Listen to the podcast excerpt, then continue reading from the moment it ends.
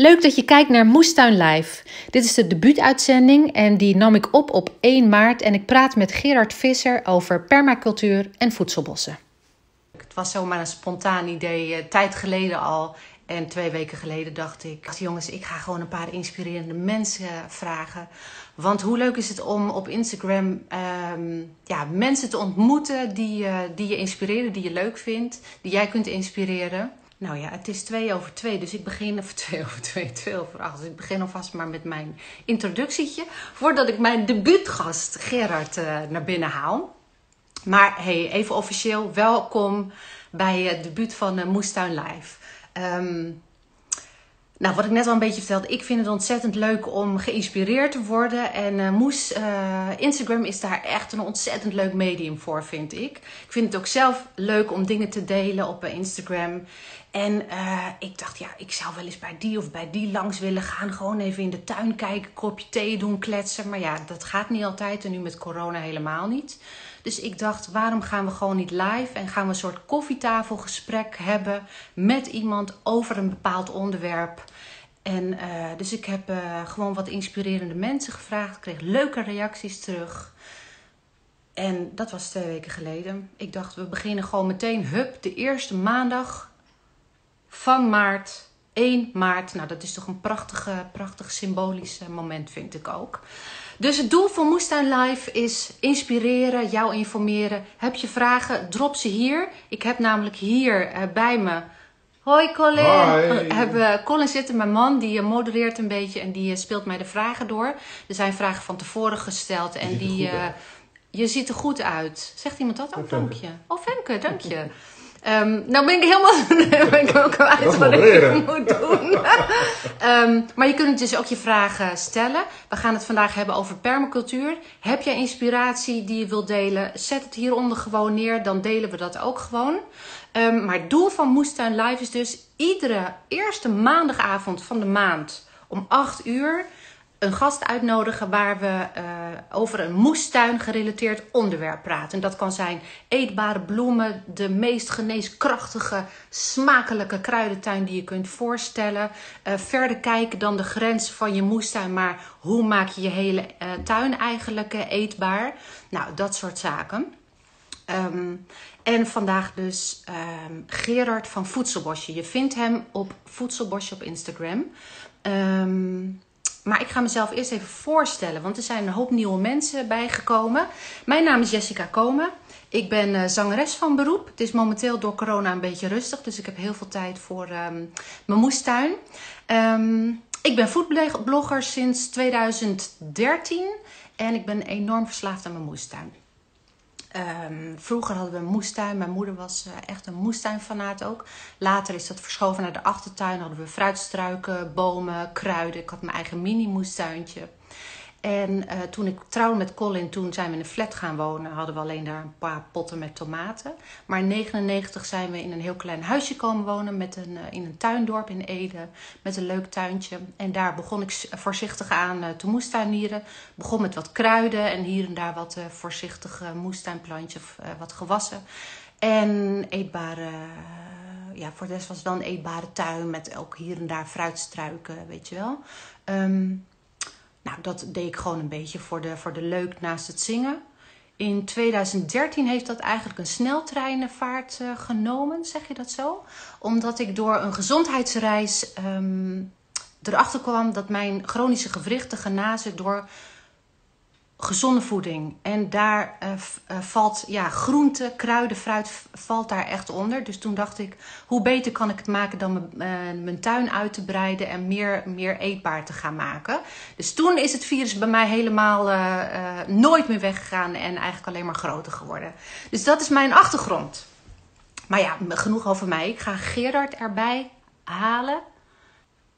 Live gaan met voedselbosje. Yes. Als het goed is, gaan we Gerard nu ontdekken en zien. Ja! Ja! Yay! Het is gelukt. Goed zo. Hi Gerard, welkom. Hoi Jessica. Hey Gerard, leuk dat je er bent. Dankjewel. Wat een mensen joh. Nou, ongelooflijk. Op zo'n maandagavond.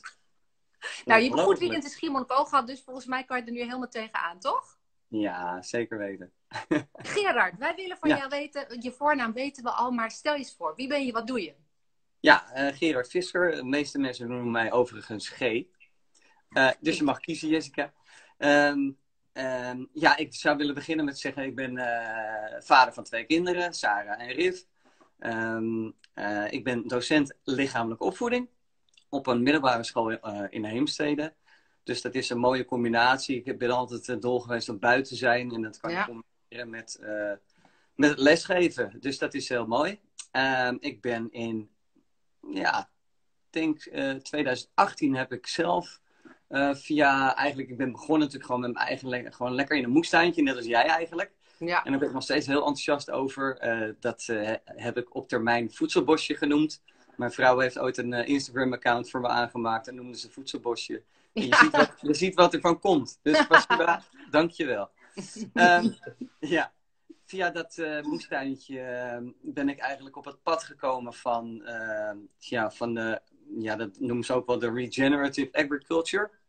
En dat gaan we het vast nog wel over hebben straks. Maar meer het, het, het, de herstellende landbouw. En op, via allerlei wegen terechtgekomen bij een mooie opleiding. Namelijk de opleiding voor permacultuur.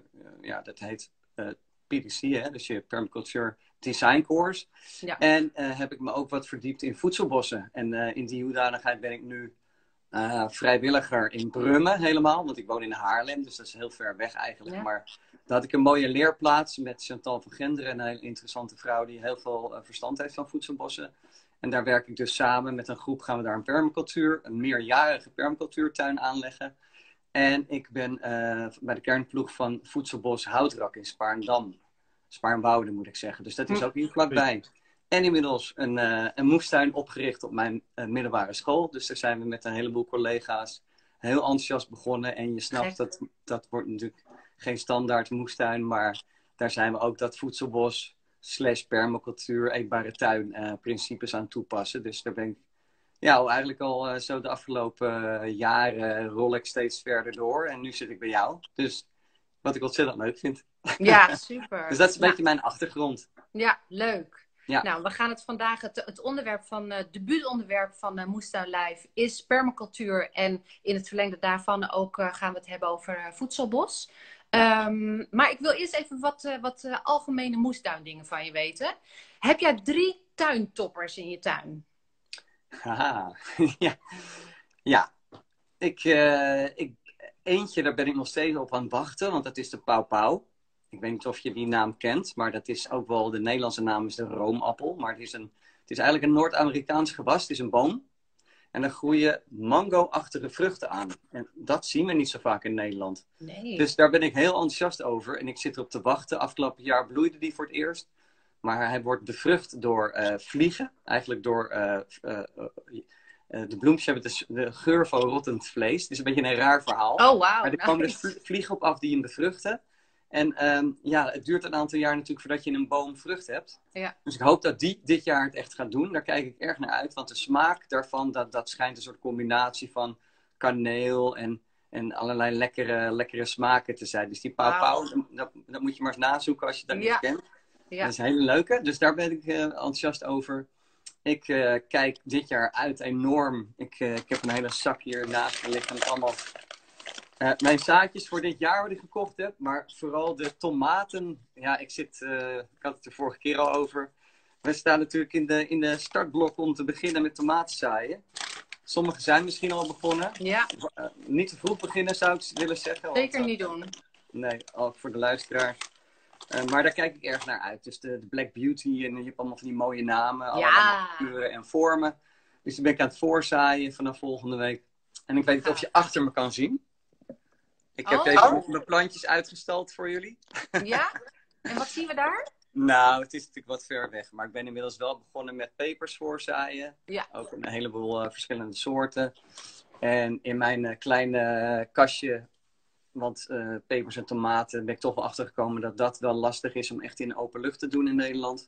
Ja. Eh, dus die, die probeer ik met aubergine ook samen in dat kastje te, te, te kweken. Ja, gaaf. Ja, met die aubergine en die tomaten denk ik dat de papau die drie zou ik daar even nu willen noemen.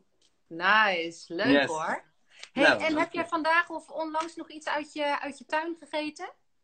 Ja, ja, ja, inderdaad. Dat was eh, afgelopen vrijdag, denk ik. Eh, want de moestuinvakken, ik, ja, ik zit natuurlijk al een beetje te azen op wat er weer in moet voor het komend seizoen. Mm. Ik heb ook alweer eh uien, uien, eh, pootuitjes erin gezet. En toen moest de, de, de, de porselein, postelijn moet ik zeggen, die moest helaas eh, plaatsmaken.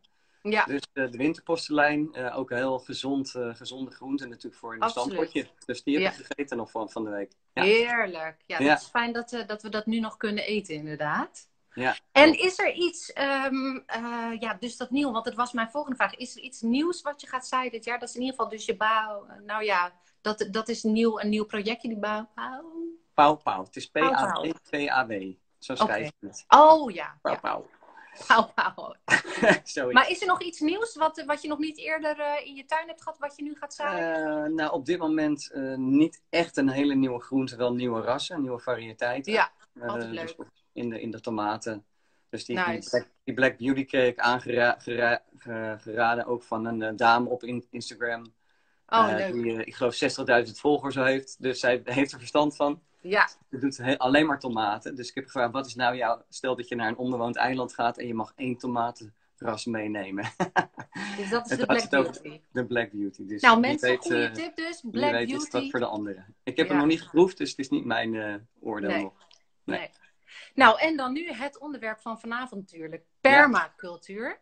Er zijn een aantal kijkers die zijn hier al behoorlijk bedreven in, hebben zich Mhm. ingelezen, zijn er echt al eh, mee bezig in de tuin. Er zijn ook Ja. mensen die hebben er nog niet eerder van gehoord, maar zijn heel nieuwsgierig.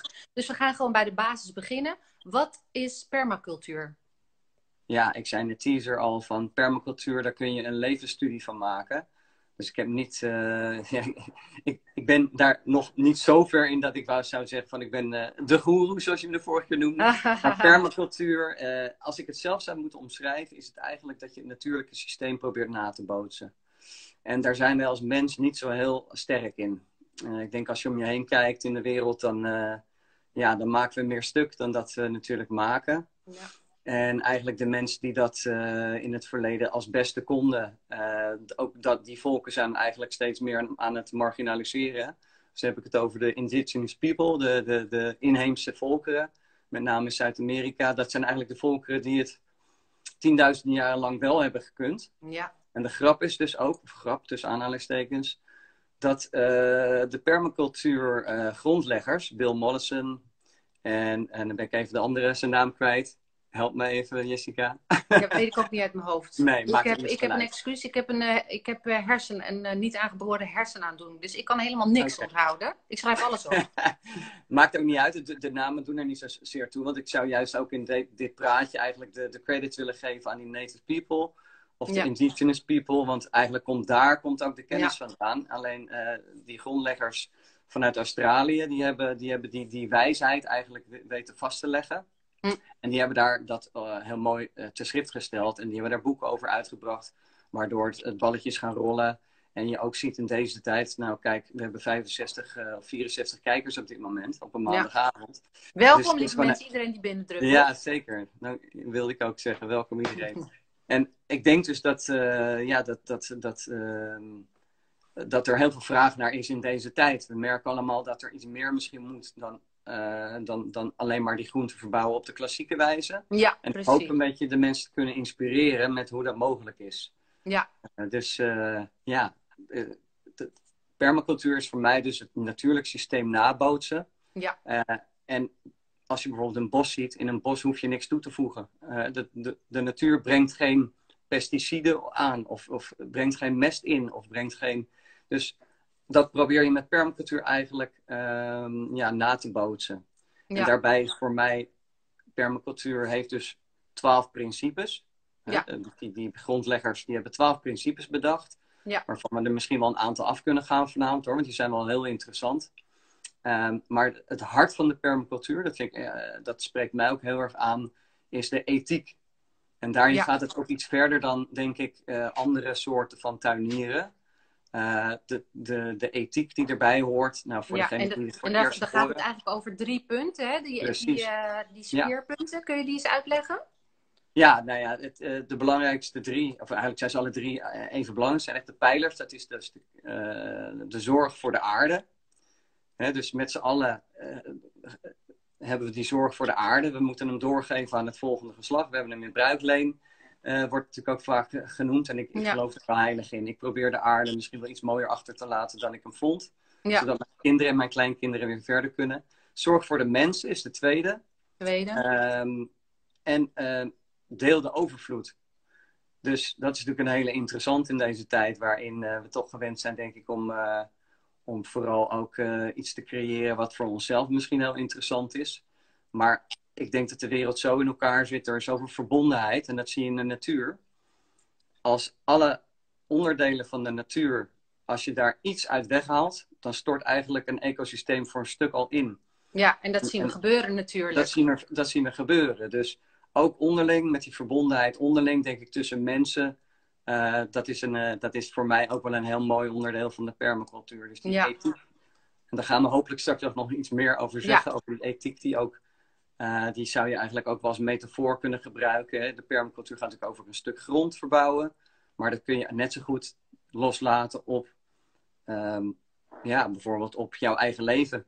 Ja, wat je uh, koopt, wat je niet koopt. Ja, ja. Nou, maar Hoe ook, je als consument uh, in de wereld staat. Precies, de, de, de twaalf principes van permacultuur. Kun je er een paar, paar opnoemen? Paar ja, zeker, zeker, zeker. Eigenlijk is de eerste is observeer en reageer. Dus zodra je een stuk grond krijgt, ga je kijken van oké, wat is er al? Dus wij zijn als mens gewend. Uh, ik ga een moestuin nemen, ik schep de hele boel om. Uh, ik uh, gooi er even wat mest overheen en ik wacht en daarna ga ik alles aanplanten. Dat is een ja. manier. Maar de ja. vraag is natuurlijk of dat de juiste manier is. in ieder geval de juiste manier waarbij de natuur het meest tot bloei komt. Ja, um, precies. Precies. En... Dus, en wat doet ja. dat observeren dan? Um, want dat, dat vinden we heel lastig. Want wij willen gewoon, we zijn gewend snel. Wat dat betreft ja. zijn we steeds meer een, een magnetron uh, uh, uh, samenleving aan het vormen. Snel, ja. weet je, alles on demand. Maar vanuit permacultuur leer je echt om eigenlijk een stap terug te nemen. Niet meteen voor het resultaat nee. van morgen te gaan, maar te observeren. En wat is, wat is, um, wat is nou, daar belangrijk wel, aan? Ja, kun je wel wat praktische dingen noemen. Dat vind ik zelf ook als gymdocent handig als er wat ja, praktisch, uh, als het praktisch wordt. en ik denk ook voor de kijkers leuk. Maar we zijn bijvoorbeeld die, die, die uh, permacultuurtuin begonnen op mijn school. En uh, dat zijn we gewoon stap voor stap aan het doen. Dus we zijn er gewoon aan het kijken van wat, wat komt er al op en waar kunnen we dus, wat kunnen we dus laten staan. Wat is misschien al eetbaar. Dus een, een, een hoekje waar brandnetels groeien. Nou, uh, zei de paar, weg ermee. Ja. Terwijl, dat vind ik ontzettend leuk, want ik kan dan het verhaal vertellen over hoe enorm uh, nuttig brandnetels zijn in het ecosysteem. Hè? Dus het is een waardplant voor vlinders. Ja. Uh, je kan het eten, je kan er gier van maken om de, het boel weer te bemesten. Uh, dus er zijn allerlei manieren om, om, die, om die brandnetels. Een ander voorbeeld is bijvoorbeeld met die sneeuw was het heel nat natuurlijk. En ik was aan het zoeken naar een plek om een soort wadi of een vijver of een poeltje aan te leggen. En die, die sneeuw was gesmolten. En ik had eigenlijk al bedacht van ik wil die vijver daar. Maar nu was hij gesmolten en ik zag ineens in een hoek dat er water bleef staan. Kijk. Ik denk, hé, hey, dat, is, dat is natuurlijk het laagste punt. Dus op die manier uh, observeer je en probeer ja. daarop te reageren. Dus ik kan Daardoor leer je je tuin kennen en leer je Precies. ook uh, om je tuin niet te dwingen in jouw plannen, maar om mee te gaan in hoe jouw tuin is, welke ja. plekken er geschikt zijn voor bijvoorbeeld dat, dat vijvertje uh, ja. of, of, voor iets anders. Dus het observeren ja. is een hele belangrijke uitgangspunt. Niet meteen, hup, morgen hebben we een plan getekend en we knallen het erin omdat het zo mooi staat. Maar meebewegen mee in je tuin. Zeker. En in de permacultuur zeggen ze soms wel, ga gewoon een jaar kijken. Ja. Dat is echt lang. Zeker ja. als je een moestuintje huurt. ja, we willen gewoon morgen al, uh, al, uh, al aan de slag ja. natuurlijk. Gisteren eigenlijk al. Ja. Maar, maar dus, dat is een mooi uitgangspunt en ook leerzaam. Ik denk ook voor, voor ons als mens goed om gewoon eens een stap terug te zetten natuurlijk. Niet, niet af te dwingen. Kan je nog een andere um, principe uh, uitleggen? Ja, ik, ik, ik denk dan gelijk ook aan gebruik en waardeer diversiteit. Ik denk dat dat uh, ook een hele belangrijke is uh, binnen de permacultuur. Um, wij zijn natuurlijk het verhaal van de polycultuur, of sorry, van de monocultuur, ja. kennen we. Weet je? Dus ja, de, de, en monocultuur eind... betekent dus gewoon één Alleen ding. maar één gewas. Ja. Rijen lang maisvelden uh, met alle uitputtende ge gevolgen van dien. Uh, Ja. De bodem die eigenlijk omgeploegd moet worden om elk jaar weer datzelfde gewas te, te, te kunnen verbouwen. Ja. Ehm, en ook daarmee het verlies van biodiversiteit. Want Ja.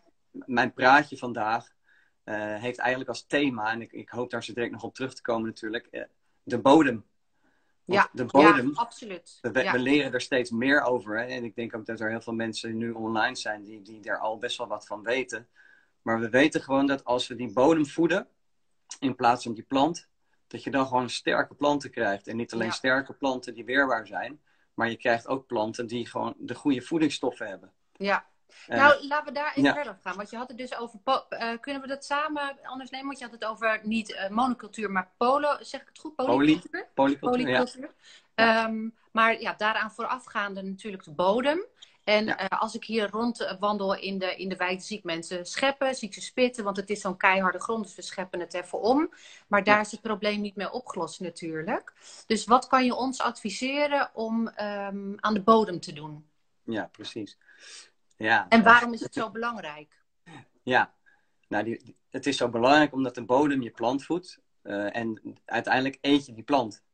Eh, de plant wordt weer gevoed door het zonlicht. Het zonlicht wordt omgezet in suikers. Die suikers die komen natuurlijk via de wortelen vrij in de bodem.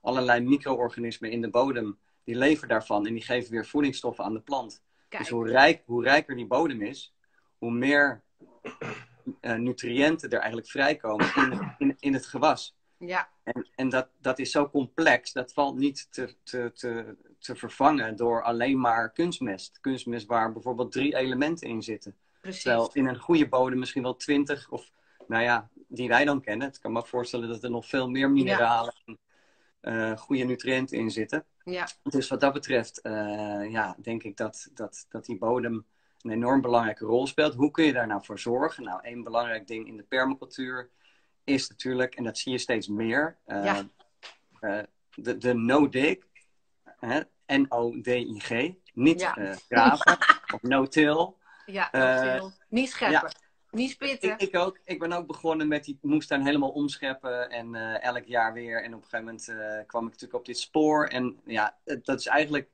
Waarom is het nou niet slim om te doen? Eh, er zijn mensen die daar al veel verder in zijn. Ik zou in deze ook Charles Dowding willen aanraden aan iedereen als je hem nog niet Goeie. kent. Die zit ook op Instagram. Een Ja. oudere, zeer erudite man met een, die het ook prachtig in filmpjes kan uitleggen. Ja, Maar no-dig betekent dus niet graven, niet spitten. En daarmee verstoor je de bodem niet. Want wat blijkt nou? Dat die bodem, al die micro-organismen in de bodem zitten op verschillende lagen. Die hebben zich lekker genesteld, net als wij in onze huizen. En dan komt Ja. die man of die vrouw met die schep en die gooit de hele boel om. En dat duurt gewoon een tijd voordat dat evenwicht weer helemaal herstelt in die bodem. En dat, die tijd dat die er overheen gaat, is je, is je bodem gewoon eigenlijk een beetje in de war. En, en is die plant die erin zit natuurlijk ook niet zo veerkrachtig. En dan kan hij weer worden aangevallen door allerlei insecten, die wij dan eh, ongedierte noemen. Maar die natuurlijk gewoon eigenlijk eh, het, het, zwakste, het zwakste plantje pakken. Ja. Dus Ja. wat moeten wij doen? We moeten niet die insecten bestrijden. Maar we moeten zorgen dat we planten kweken die sterk zijn. En dan zal een slak denken van... nee, dit plantje is gewoon voor mij... zit veel te sterk in elkaar. Ik pak Ja. wel eh, iets zwakkers. die sla ik over. Ja, Een beetje makkelijk gezegd hoor. Maar dit is in het, eh, in het grof wel, eh, denk ik, het verhaal van, van, van de bodem. Nou, en dat voed is, je- dat hoe is goed je dat je nou- dat zegt. Ja. Want heel veel, heel veel problemen die we tegenkomen met slakken en, en andere zeg maar, schadelijke dieren die ons eten willen opeten. Maar ook ziektes en zo. Dat, We Mhm. kunnen gaan sprayen en van alles en nog wat doen. Maar Ja. dat is, dat is natuurlijk sym- symptoombestrijding. Als we ons richten op een gezonde bodem, dan zijn Ja. die planten gezonder. Worden wij ook gezonder en dan eigenlijk die hele Ja. kringloop is dan klaar natuurlijk. En met we het gaan bestrijden... we gaan geen invloed eh, hebben op die bodem met spitten. Maar wat kunnen we wel doen om die bodem zeg maar te verbeteren? Nou, ik, ik denk dat veel van jullie dat al zullen doen ook. Maar uiteraard, eh, het hart van mijn moestuin is mijn composthoop. Dat is, ja, een composthoop eh, is natuurlijk een hele mooie manier om die cyclus, net als in het bos, dus het, een boom maakt blad, dat blad valt op de grond, het blad wordt weer afgebroken door het, eh, eh, het, ja, door de bodemleven. Ja, En dat neemt die boom weer op. Dus dat, dat heeft niks nodig. Dat heeft geen extra mest nodig. Dus Nee. als wij alles wat we van het land afhalen via de, via de composthoop of Uh, er wordt natuurlijk ook steeds meer gesproken nu over de. Het hoeft niet eens op de composthoop. Je kan het ook. Uh, ja. Noemen chop and drop. Ja, dus je, je, haalt het eraf, je legt het gewoon op de bodem. Ja. En het wordt verteerd, het wordt opgenomen.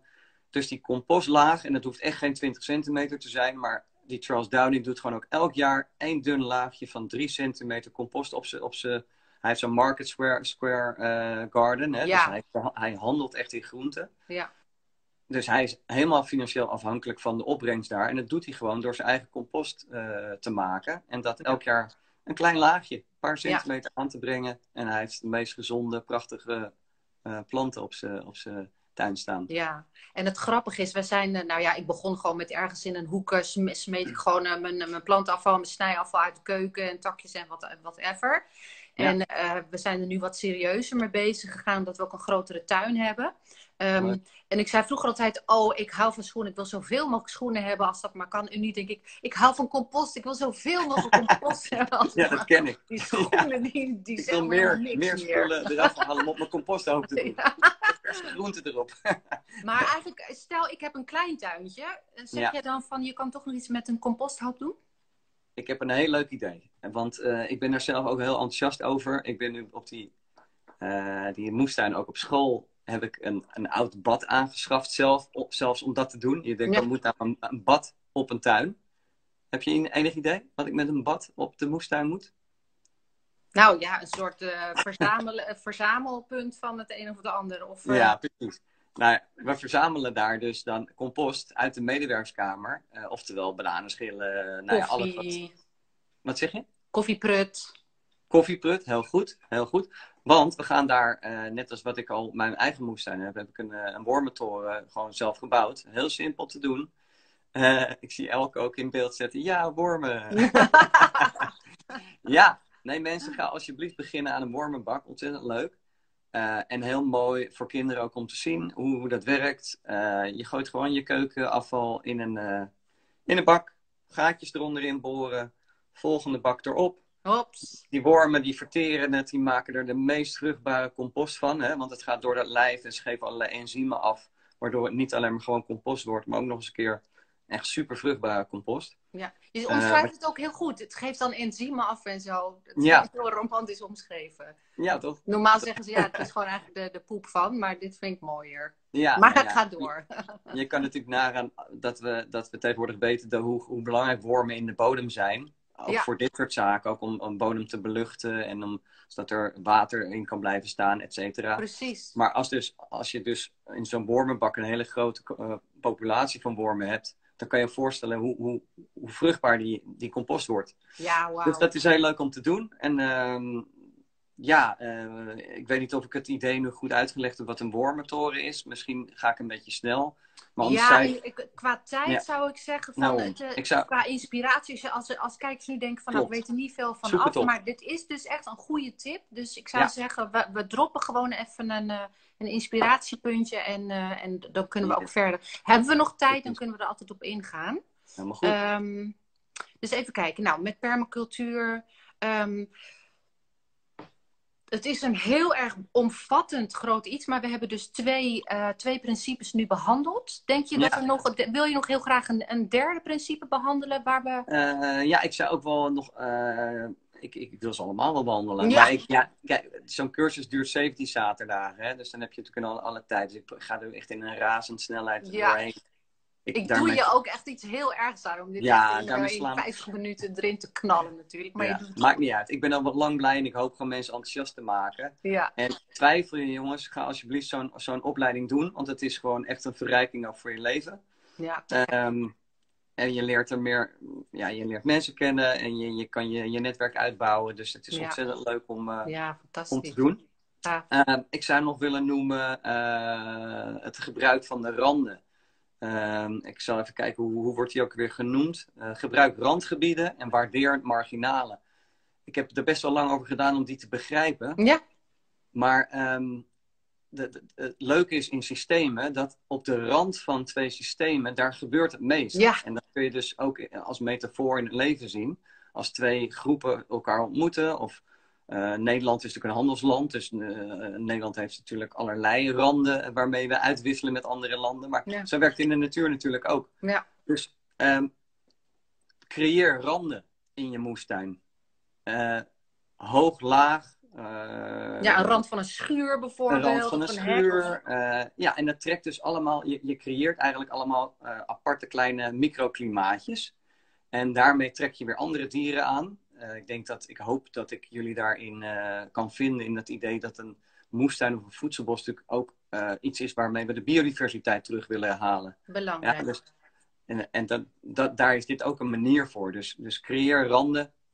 Um, dat, dat vond ik wel een leuk om nog te noemen. Dat en hoe heb, jij, hoe heb jij dat? Kun je een voorbeeld geven van wat je dan bij, in, in, in jouw vrijwilligerstuin hebt gedaan of bij jou thuis? Uh, ja, ik ben, ik ben in die vrijwilligers, of, of bij mij op school hebben we nu in die tuin hebben we een takkenrail bijvoorbeeld ook aangebracht. Een ja, takkenrail is een heel mooie manier om insecten te trekken. Dus je staat en wat, kun je even snel uitleggen wat het is? Nou ja, alle overtollig uh, hout uh, leg je op, op, een, op, een, op, een, op elkaar. en hoe, als je een beetje met de grote blokken onderaan begint, grote houtstammen en blokken, dat gaat natuurlijk verteren in de bodem. Dan krijg je weer allerlei bodemleven dat erop afkomt. Je legt er takken overheen. En steeds hoger. En op die manier trek je vogels aan die weer die insecten willen pakken, willen eten. En zo krijg je dus weer uh, een, een, heel rijk uh, biodiversiteit. Ja, dus daarmee hebben we ook alweer een rand gecreëerd. Ja, die heel anders is dan wanneer ik het helemaal open had gelaten. Ja, precies. precies. En het zorgt voor wind die niet naar binnen kan. Dus je krijgt ook daar weer een soort luwte waar weer andere dingen gebeuren. Ja. En nou ja, zo, uh, zo heeft alles in de permacultuur, daar, je probeert met alles eigenlijk meerdere functies tegelijk te pakken. Ja, dat vind ik ook een heel mooi principe inderdaad. Want zeg maar, ik was eerst een enorme siertuin-fan. En dan, uh, oh, die bloem is zo mooi, die bloeit helemaal zo en zo en zo. Maar die mhm. had eigenlijk maar één functie. En dat was gewoon voor mijn genot, zeg maar. Het was echt een, die had een esthetische functie. Maar als ik nou zeg maar in plaats van die, die, die dubbelbloemige, vierdubbelbloemige bloem, daar een enkelbloemige had geplant, dan had hij nog een andere functie gehad. Die had dan bijvoorbeeld bijen op zich kunnen laten landen, die nectar kunnen halen. Dus het mooie um, van permacultuur is ook dat ik heb geleerd, als ik iets in mijn tuin zet, dan uh, het, het beste is om dat verschillende functies te geven. Ja, ja. Um, En um, kun, je, kun je daar ook een voorbeeld van geven? Ik geef dan die, die, dat voorbeeld van een bloem, maar kun je ook een ander voorbeeld geven? Jazeker. Ik, uh, nou ja, wat me gelijk in het hoofd schoot, wat ik ook zeker wil delen met de mensen, ook als ze het nog niet weten, um, is wel een bloem, maar dat is de smeerwortel. Uh, ja. Wij zijn daar heel groot fan van in de voedselbossen en in de permacultuurtuin. Waarom? Een smeerwortel is eigenlijk een, een, een penwortel, heeft hij. De plant zelf wordt vrij groot, geeft prachtige bloemen. Echt een enorme aantrekker voor bestuivers, hommels, uh, bijen, alles komt erop af. En uh, wat die plant doet, die gaat met die lange penwortel, gaat hij eigenlijk in diepere bodemlagen, haalt hij allerlei uh, voedingsstoffen omhoog. Ja. En dat komt in het blad eigenlijk te zitten. Dus permaculturisten die gebruiken dat blad, het wordt dan ook vaak geknipt een paar keer per jaar. En dat kun je gewoon als mest gebruiken. Dus uh, een nutriëntenaccumulator heet dat geloof ik met een duur woord, wat die plant is. Die onthouden we, daar kunnen we indruk maken. ja, Nutriëntenaccumulator. Ik zou het ook wel eens fout kunnen hebben, maar ik dacht dat het zo heet. Um, anyway, hij, hij, heeft dus allerlei functies. En hij breekt de bodem open met die penwortel. Dus als het een kleigrond is, krijg je ook weer. En hij is gewoon ook nog eens een keer prachtig. Dus ja. het ook wel ook wat. Maar zo, zo probeer je natuurlijk uh, met zo'n plant allerlei... Uh, allerlei functies weer te dekken. Ja, prachtig hoor. Nou, dat is een goeie. Ja. Um, ik kijk ondertussen eventjes uh, jou niet meer in de ogen aan, maar kijk even op mijn, um, op mijn uh, lijstje, op mijn vragenlijstje. Um, nou ja, in het verlengde van permacultuur, maar toch even een andere vraag. Um, er wordt heel veel gesproken over wisselteelt, omdat dat bijvoorbeeld zorgt om de bodem een soort van gezond te houden. Dat je niet een een of andere iets in de bodem krijgt wat de plant verzwakt of waar de plant een ziekte van krijgt. Wisselteelt is behoorlijk populair. Um, ik, heb het, eh, ik hoop dat ik de vraag goed stel, maar waarom prefereer je vanuit permacultuur um, uh, de combinatieteelt boven wisselteelt? Is dat een, is dat een oké vraag? Of, eh, of, Ja, ja.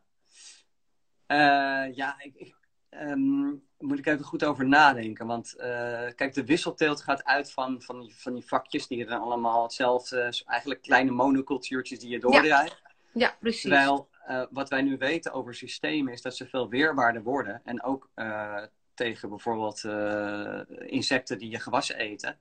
Als je het gewoon wat meer gaat mengen. Ja. dus sommige insecten ontdekken dan ook niet dat gewas. Dus terwijl als je al je worteltjes, zal maar zeggen, in een lange rij 3 meter bij 15 hebt staan dan is dat natuurlijk van afstand voor zo'n wortelvlieg een enorme interessante prooi. Ja, precies. als ze een beetje zo verspreid staan en verdekt tussen andere groenten, en hoeft niet één worteltje tussen, maar je snapt wat ik bedoel, iets kleinere rijtjes. Ja. Dan, dan wordt dat dus minder snel ontdekt. En uh, op die manier is het dus, uh, denk als je de voedselbossen ook ziet, het principe van voedselbossen. Ik weet niet of je Wouter van Eck kent in Groesbeek. Ketelbroek heeft hij in, uh, vaak in de, in, de, in de media gestaan.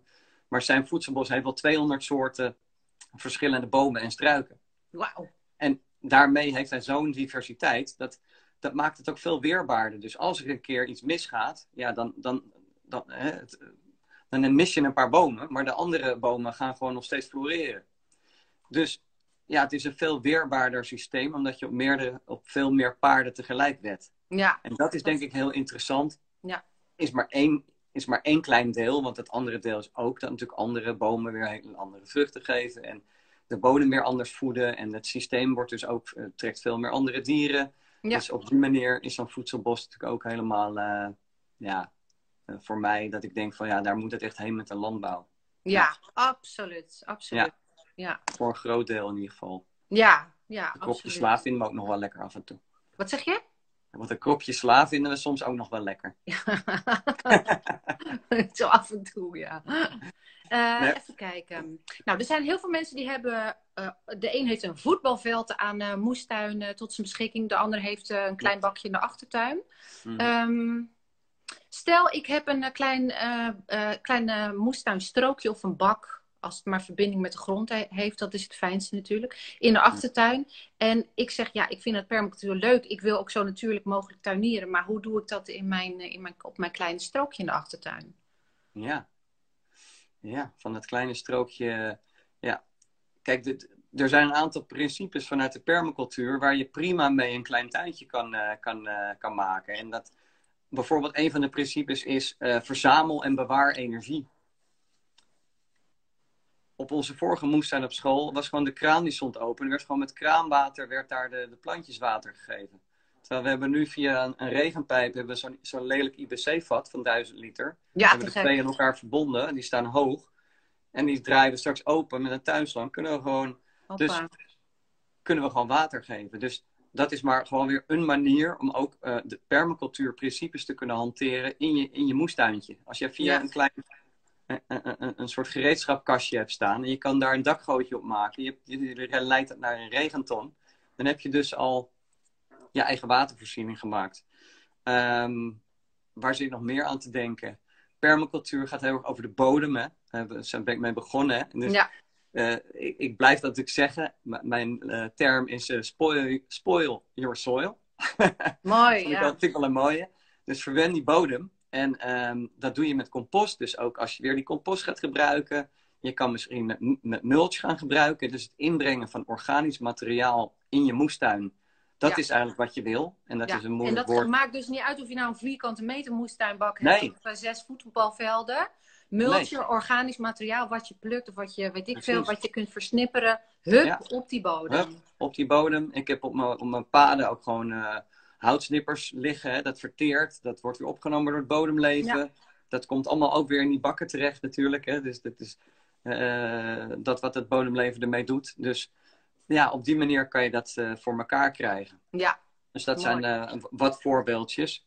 ja. Ehm, ja, ik zie nog even te denken of ik een andere kan bedenken. Maar ik denk, dat, misschien kom ik straks nog op een andere. Maar laten we het even hierbij houden. Ja, oké, oké. Ja. En in het verlengde zeg maar van eh, per- permacultuur en voedselbosje. En ik heb een klein stukje tuinen beschikbaar. Een strookje of een bak of wat dan ook. Kun je iets uitleggen over zeg maar die lagen waar je mee werkt? Want het is Ja. zeg maar niet alleen maar zeg maar eenjarige waar je dan mee werkt. Maar er zit een, er zit een, zeg maar een systeem in van laag. Kun je, kun je dat kort uitleggen? Ja, zeker.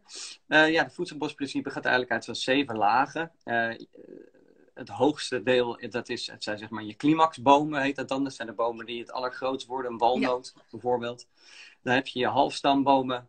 je hebt je, je laagstam, fruitbomen en dan krijg je de struiken natuurlijk erbij. Ja. Uh, bessenstruiken. Uh, dan heb je op de grond heb je natuurlijk je, je, je, je cover crop, uh, je, je, je, je kruidlaag. Ja. En dan wordt soms ook nog de ondergrond wordt natuurlijk ook nog erbij betrokken. Dus knollen en bollen. En eventueel ook nog de klimmers die je er doorheen laat leiden. Dus ja. op die manier krijg je eigenlijk een heel driedimensionaal systeem. Wauw.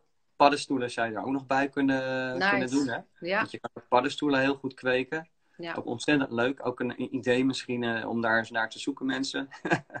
je kan heel makkelijk houtblokjes ja. enten met Ja. uh, paddenstoelenbroed. En dan kan je je eigen paddenstoelen, shiitake, oesterzwam fantastisch. kweken. Hoe leuk is dat? Of op Ja. koffieprut. Ja. Maar in ieder geval, die, dat, zijn, dat zijn ongeveer de zeven lagen. En dus het is een heel driedimensionaal uh, voedselsysteem. Ja, en wat, wat is het, je noemde het ook al even toen we de teaser opnamen. Je noemde al iets van, als je dat systeem toepast, al die verschillende lagen en ook zeg maar met de natuur dus meetuiniert. Ja. Um, ja, heeft dat gewoon hele ja, prachtige, duurzame effecten. Je Ja. had het onder andere over, ik hoef eigenlijk helemaal niet meer water te geven. Kun je uitleggen hoe dat Ja. komt? Ja, nou ja, dat zie je ook bij die Wouter eh, van Eck. Die zit dus in een gebied naast allemaal rijgrasvelden, wat ze noemen. Hè? Dus dat wordt elk jaar gewoon met Roundup en zo lekker geel. eh, eh, maar zijn, zijn voedselbos, het heeft gewoon in die afgelopen enorm droge zomers, is dat gewoon blijven, blijven bloeien en groeien en was helemaal mooi groen. Terwijl om hem heen was alles helemaal verdoord. En dat Ja. komt natuurlijk omdat je die bodem voedt. En die bodem houdt uiteindelijk dat water vast. Dus in droge tijden heeft het water in zich. En bij natte tijden kan het ontzettend veel water opnemen. Dus terwijl dan al die velden daarnaast helemaal blank staan, Ja, is, is zijn voedselbos ook gewoon weer, nou ja, niet droog, maar heeft het wel alles opgezogen. Dus het is, je creëert een soort spons. ja precies. En, en, en daar maakt het uh, systeem weer gebruik van op het moment dat het droog is. Dus ja, dat is een beetje denk ik hoe het werkt. Ja. ja. En, En vooral met de droge zomers, uh, uh, die we uh, nou in ieder geval de afgelopen twee jaar wel heel heftig voor de kanus Ja. hebben gekregen. Ja. Zie je dus toch, want iedereen heeft, oh ja, droge zomer, moeilijk, moeilijk, water, wateren. Maar er is dus een oplossing, een natuurlijke oplossing, om, om toch gewoon je, je land, ja, vochtig, je, je bodem vochtig te houden. De oplossing is er eigenlijk al. Ja. En dat, dat is ook wat permacultuur doet. Permacultuur probeert oplossingen te bedenken uh, vanuit het probleem.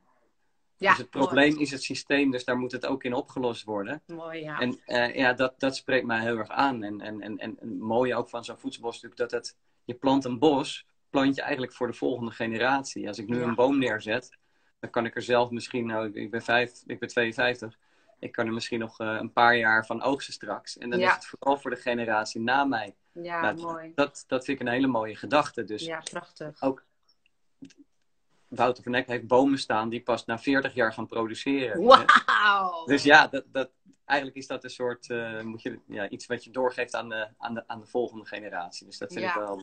Ja. Mooi. Nou, dat is ook wel dat, dat, dat uh, zeg maar meer van richting uh, het maatschappelijke en het ethische toe, uh, toegedacht. Is het dus niet alleen maar ik wil nu gewoon mijn sla, mijn bonen hebben. Maar je, je denkt ook verder dan, dan Ja. de oogst van nu en het effect van nu. Maar je denkt ook in de toekomst, je denkt ook aan anderen. En dat is natuurlijk ook heel erg, ja, permacultuur.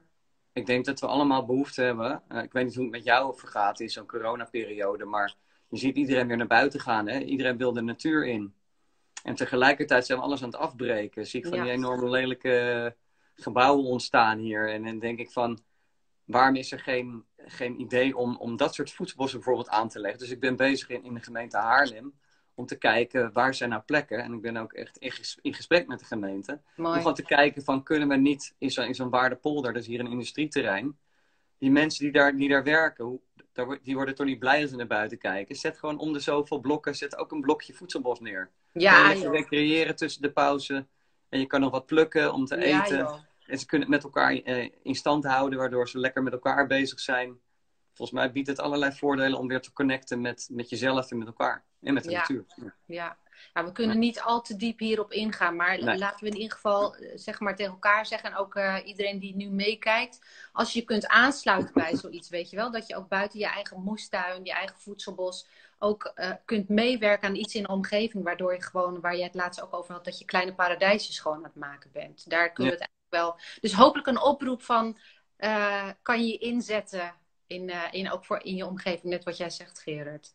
Ja, ja, ja. ik denk dat, uh, dat we er allemaal behoefte aan hebben. En dat er best wel een grote beweging gaande is, van, van echt van onderaf. Dus niet zozeer ja, vanuit de gemeente. Definitely. Het komt allemaal samen hè, binnenkort. Want de gemeente en de overheid, die moeten ook binnenkort... al die klimaatdoelen moeten gehaald worden. Dus ze staan eigenlijk straks klaar, denk ik, met, met, nou ja, met zakken geld. In ieder geval om, de, om, om, om aan te kunnen plannen. Dus dit is echt het moment om erop in te springen. Niet om geld te verdienen, nee. maar wel om, om, om, uh, om, nou ja, het klinkt zo heilig, de wereld wat mooier te maken. Maar in ieder geval wat minder lelijk. Ja, nou die eerste vind ik mooier. Daar houden we het ja, op hoor. Hey, de tijd vliegt voorbij. Ja, hoe ver zitten we? Ik allemaal uh, vragen aan het verzamelen. Die heb ik inmiddels op mijn iPad oh, voor me. Um, eens even kijken. Even, eens even kijken. Hoe kun je het beste beginnen met een voedselbosje en welke dingen plant en zaai je dan het beste? Ja, dat goeie. Nou, het is wel een enorme complexe vraag om dat even in een paar minuten te, te In uh, 26 seconden. 26 seconden. Lees dit boek. dit praktisch is het, hand, handboek. het praktisch handboek voedselbossen van Martin Crawford. Hij heeft het oudste voedselbos van, uh, van, van Europa, volgens mij in Engeland. Dat is 30 jaar oud of zo. Uh, en die man beschrijft daarin precies wat je, hoe je het zou kunnen aanpakken. Uh, hij begint volgens mij met stukken echt met karton uh, te bedekken. En dan met, met mulch, dus met, met houtsnippers bijvoorbeeld. Daar dingen in te gaan aanplanten. En zo langzaam, stukje bij stukje, pakt hij dat helemaal over. Hm. Maar ook weer na allerlei stappen, zoals observeren. Hè? Want je ja. wil eerst natuurlijk het in kaart brengen, het hele terrein. Ja. Dus eerst kijken, waar komt de wind vandaan? Is er een harde wind? Dan ga je bijvoorbeeld werken met een, een single, noemen ze dat. Dus een groep bomen die de wind gaat breken. Ja. Waardoor andere gewassen weer beter kunnen groeien. Ja. En dus het, het, is heel moeilijk om zo even dat te zeggen. Maar het is ook afhankelijk van um, um, de, de bodem. Zit je de, op, een, uh, op klei of op zandbodem, dat soort dingen. Zeker. Dus, dus ja, inderdaad, wat je al eerder uit. zei, is wil je met een voedselbosje beginnen, is het observeren. Een, een van de Ja. tips van permacultuur is gewoon heel belangrijk. En ja, een pasklaar antwoord is heel erg lastig om een, ja, zeg maar te zeggen van, nou, als je dit en dit en dit doet, dan heb je over drie maanden heb je een voedselbos. Nee, zo Ehm, werkt het niet. Ik denk, nee. je moet er echt heel goed over nadenken voordat je dat niet heel lang over nadenkt of je het gaat doen. Want dat Nee. moet je goed doen. ja, maar wel hoe je het gaat doen. Ja, Want je wil meewerken met de natuur. Je wil eigenlijk aanvullen daar welke kant het al op gaat. Ja. En, je hebt, en je hebt dat boek dus. Dus dat is in ieder geval een goede tip. Dit boek. En, en, en ga, ga zo'n voedselboscursus doen. Het Ja, is, er zijn cursus, best te wel gek. kortere su- cursusjes. Hartstikke interessant. En dan leer je eh, gewoon hoe je dat aan kan pakken. Ja, Ehm, ja, ik heb hier echt een, eh, een ander uur nog voor nodig als ik die vraag serieus zou willen Ja, nemen. nou ja. Nou, Maar tegelijkertijd laat je niet afschrikken mensen. Want het Nee, is ook precies. eh, een kwestie van doen op een gegeven moment. En ja. ehm, kun jij nu een cursus noemen die, die, waar we ons op in kunnen schrijven? Is er een draaiende cursus of is er een organisatie die je kunt tippen? Oeh, ik weet dat eh, Chantal van Genderen, waar ik stage loop in Brummen, die gaat met een aantal coryfeeën gaan ze bezig met een voedselboscursus. Chantal van Brummen. die- Chantal van Genderen. Van Gem En Genderen. Daar zit Wouter van Eck ook bij. En Ja. Frans-Jan Waard. En dat zijn echt grote namen. In Dus als we die gaan googelen, dan ja, komen we wel op een. eh, dat is in ieder geval echt een goede cursus. Dan, eh, dan, daar heb je wat aan. Ja, en ik heb zelf mijn cursus bij Jelle Vekkes gedaan. Van Landscape Foodscape. Eh, dat, is ook een, dat is ook een aanrader. Dus daar heb Oké. ik ook enorm veel van geleerd. En daar werken we nog steeds mee samen. Ja. Dan een vraag: werkt een takereel ook in een kleine achtertuin? Ja, zeker. Ja. Ga, het- ga het vooral proberen en kijk wat, wat de winst het oplevert. Ehm, Worden, worden de dieren dan verjaagd door de drukte? Dus stel, ik wil die takereel aan een, eh, aan een drukke weg eh, plaatsen. Heeft het dan toch zin? Kijk, in takereel eh, trek je vooral insecten mee aan. En insecten zorgen weer voor gewasbestrijding. dus je, je, je krijgt weer bijvoorbeeld... iemand vroeg, inderdaad, het is wel leuk om nog even te zeggen... over de, over de witte vlieg. Hebt de spruitkool.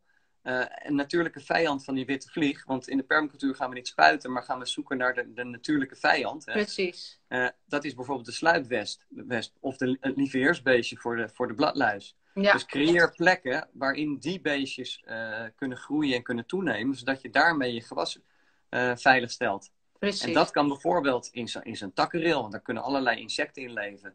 ja, De, de, roodborstjes komen erop af om die insecten weer te eten, dus Ja. dat is ook leuk voor je tuin. ja. En je, je- Dus op die manier. En ik, ja, er zijn al honderd voorbeelden van te noemen. Dus de buxusmot uh, niet met gif bestrijden, want dan gaan de, de, de, de, de, de meisjes die die, die rups eten, die, die sterven. En daarmee dat is de natuurlijke oplossing.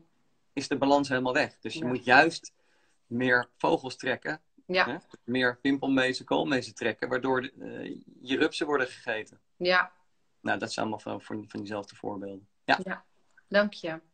Uh, ik zie hier een vraag. Mulchen met houtsnippers?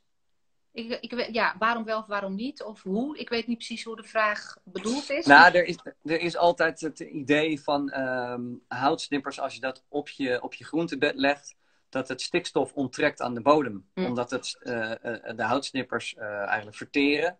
En daarmee haal je bepaalde, zeker in dat beginstadium, haal je ja. alle stoffen weg. Ja. Daar zijn hele wisselende meningen over. Ja, want die hugelbedden bijvoorbeeld bestaan ook uit, uit hout.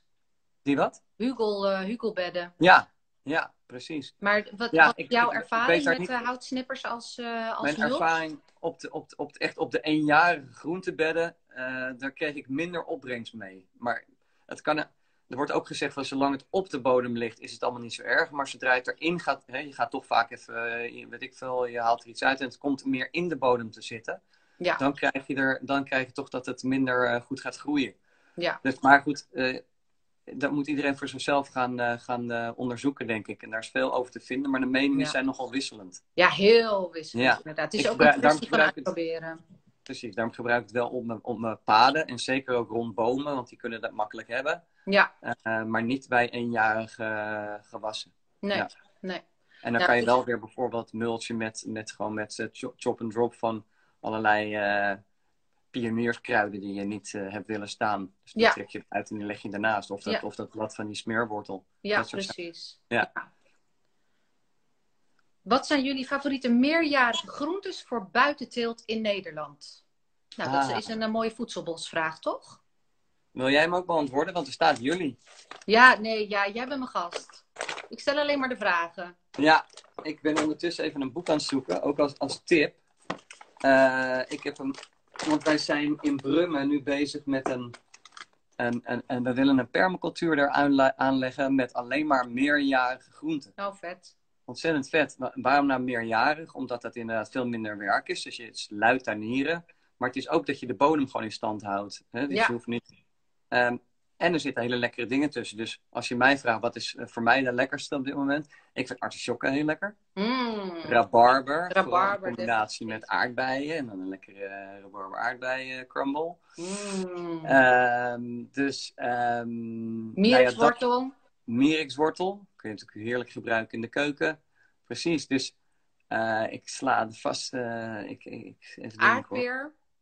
Aardbeer heb ik ook staan, ook ontzettend leuk. En dat, dat, er zitten altijd nog een paar in de bodem. Dus je krijgt altijd weer het jaar erop gewoon, ook al dacht je dat je ze er allemaal uit het gaat, ja, gewoon weer aardberen.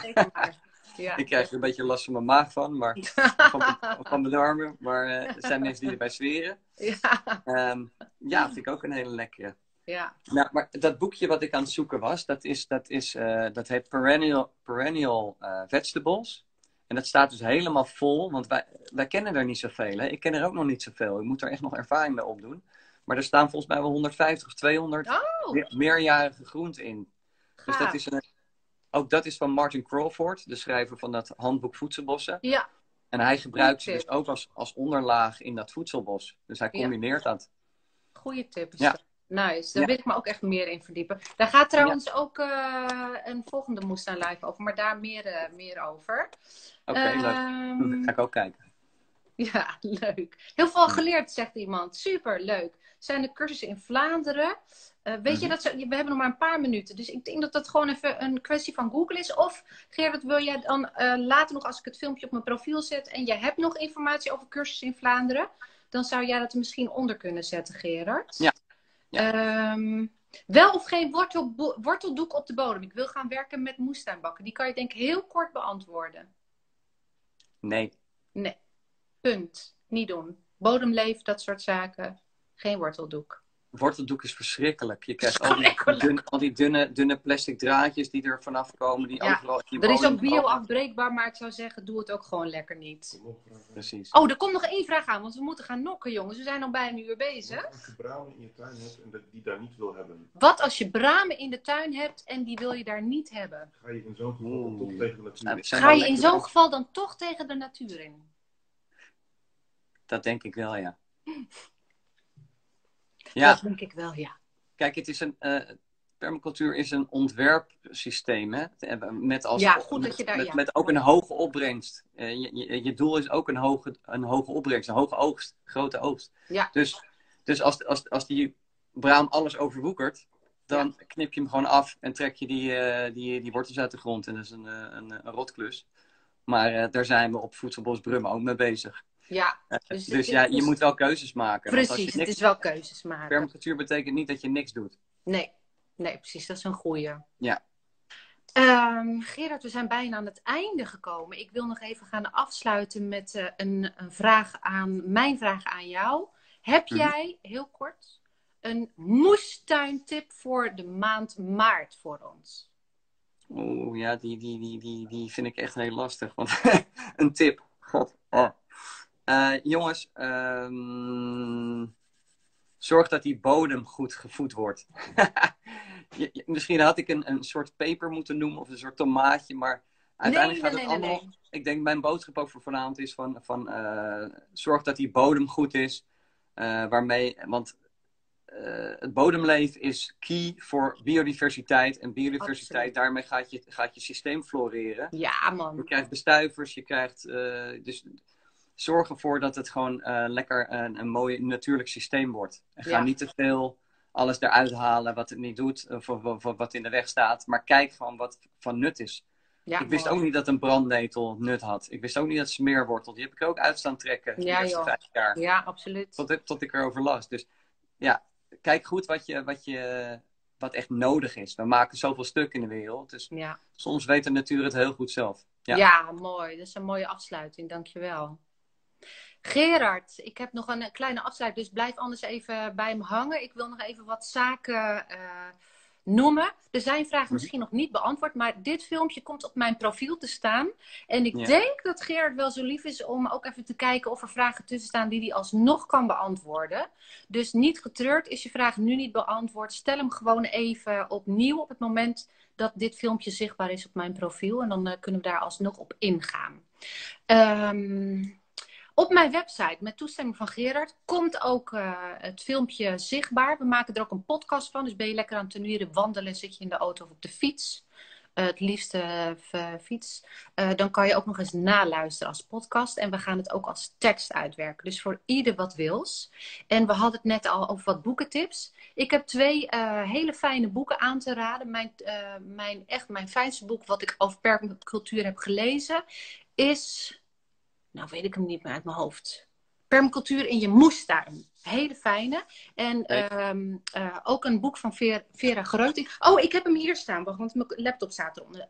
Tuinsmaak, die vind ik ook een leuke. Maar die permacultuur in de moestuin, in je moestuin, vind ik echt een hele fijne. Die twee links heb ik op mijn website gezet. Dus daar kan je ook even naar kijken. www.missbeanie.nl voor iedereen die aan het kijken is of nog gaat kijken. Ehm, dan wil ik alvast mijn gast voor volgende maand aankondigen. Op paasmaandag heb ik de gast Katja. En je kent haar ook wel van Daily Green Inspiration en van Verderland.